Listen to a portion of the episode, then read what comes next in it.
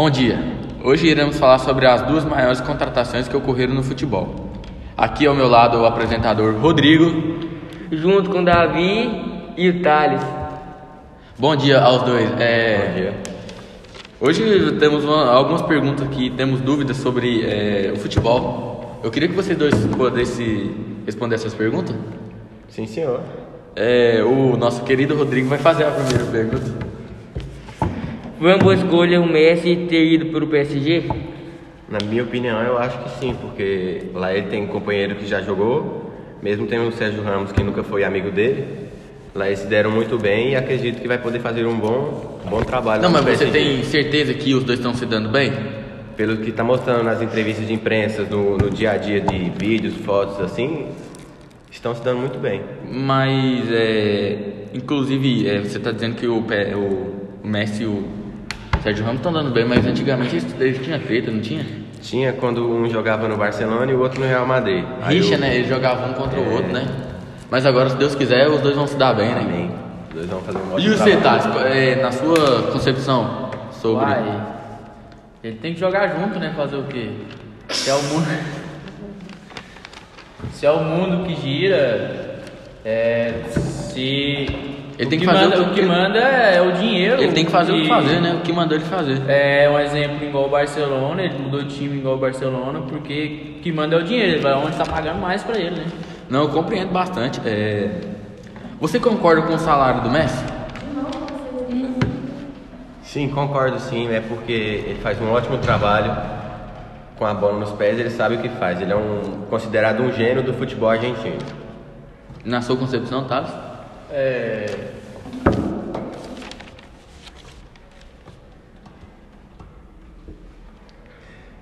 Thales?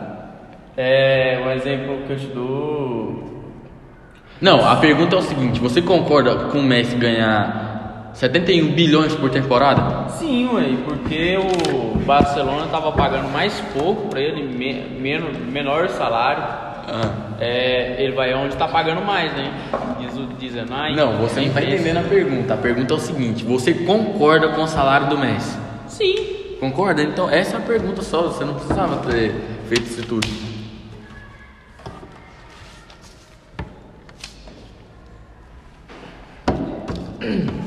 Davi, por que o Cristiano Ronaldo não quis. Essa daqui foi nessa corda. Aqui, ó. Porque não quiser renovar o contrato. Davi, por que o Cristiano Ronaldo não quis renovar o contrato? Davi, na sua concepção, por que o, o Messi não quis, é, como se diz, é, renovar o contrato com, com o Barcelona? Porque era um clube que já estava à beira, não vamos falar à beira da falência, porque é um time que ainda tem muito dinheiro, mas é um time que o, o salário que ele pediu não conseguia dar o salário que ele pediu. Ia ser só 50% do salário, e para ele não era o suficiente. Como o Thales disse, o, mu- o mundo da bola volta em dinheiro. Então, o PSG pagou mais, ele automaticamente. Levou o cara. E na sua concepção, Thales? Uai, igual eu falei, né? Quem manda é o dinheiro, onde tá pagando mais o cara vai. Se o time não tá entrando na falência, tá vendo que tá entrando na falência, ele não vai conseguir diminuir as metades das. Como é que fala? Dos trem dele pra, pra continuar no time. Ele vai pra onde tá pagando mais, né? Não, Também é sempre bom é querer um- algo novo, uma experiência nova, um time novo. Sim, e o Neymar também está no PSG, né? É muito bom Sair é, do mesmo conhecer- time, vamos se encontrar no mesmo time de novo. e voltar a jogar com o seu parceiro ao lado é, é um prazer ótimo, né? Conhecer pessoas novas também, né? Muito gratificante. Gratificante. Para. Davi, por que ao invés do Cristiano Ronaldo ir para o Manchester City, ele escolheu ir para o Manchester United? É, começaram uma negociação entre o Cristiano e o, e o Manchester United, mas o Manchester, o Manchester City, por- eh, desculpa, o Manchester City não queria dar o valor que o Cristiano Ronaldo pediu. Só, só um minuto, você acha que o Cristiano Ronaldo merece o que, ele, o, que o Manchester City? Obviamente, o cara é um robô, o cara é gigante, o cara é espetacular. O cara joga bem pra bola. caralho, né? Outra pergunta. Mesmo, mesmo ele estando nessa, nessa certa idade, mesmo ele estando velho. Tranquilo, ele recebe, continua até os 40 aí de boinha, filho. Como E de você, Thales, na sua concepção? Uai, ele falou, né? Onde o cara joga demais. Tipo assim, ele joga até os 45 anos, se ele continuar, ele joga até mais, né? Até onde ele, onde ele estiver dando conta de jogar, os povos tá pagando pra ele jogar, né? Isso aí. Não, mas o Manchester, o Manchester City pagou o que ele pediu? O Manchester City não, não tinha o valor, mas eles tentaram negociar com a Juventus de dar 180 milhões, mais o Gabriel Jesus. Mas o City não quis essa oportunidade. Então ele voltou ao time de origem, de origem mais ou menos, né? Porque ele foi revelado no Sporting e depois passou pro Manchester United. E voltou pra lá de O Manchester United pagou o valor que ele pediu? Pagou. Cara, é só isso mesmo. Próxima pergunta, por favor. Como você acha que foi para o Cristiano voltar ao time onde estourou e teve uma grande visibilidade?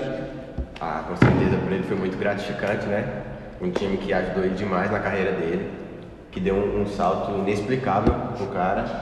Lá onde já se revelou, já sabia fazer os dribles dele, já jogava do jeito que ele joga hoje em dia. E daí foi daí pra frente, só sucesso pro cara. Vamos se dizer assim, você acha que um Cristiano Ronaldo no, no Manchester United vai, vai gerar? Com certeza, tem muitos parceiros bons também. Tem o Pogba, tem o Rafael Varane, que ele jogou no Real Madrid, o De Gea, o goleiro. Tem bons jogadores. Uma pergunta fora, é... Por que o Cristiano Ronaldo não renovou o contrato com a Juventus? Aí foi mais uma questão também que eu acho que seja de salário. E também acho que ele não estava muito feliz no, no clube que ele estava, né? Que era a Juventus. Que parecia que ele estava jogando sozinho, né? É, que não tinha companheiro pra, no mesmo nível que ele pra acompanhar ele. Não, também na minha concepção eu acredito nisso. Você, Thales? Uai, o cara acha que tinha alguma treta, né, lá dentro do time, que, que a mídia não conseguiu chegar na treta ainda, mas uma hora a casa cai, né? Uma Você hora- acha que eles tentaram barrar o Cristiano Ronaldo de é, alguma forma? Coisa, porque se o cara jogar sozinho, o time não vai pra frente, né? Só ele de bom no time. Não. Compreendo bastante, então. É, próxima pergunta, por favor. Voltando ao Messi, voltando ao Messi. Voltando ao Messi, o que você acha sobre o salário dele de Não parou.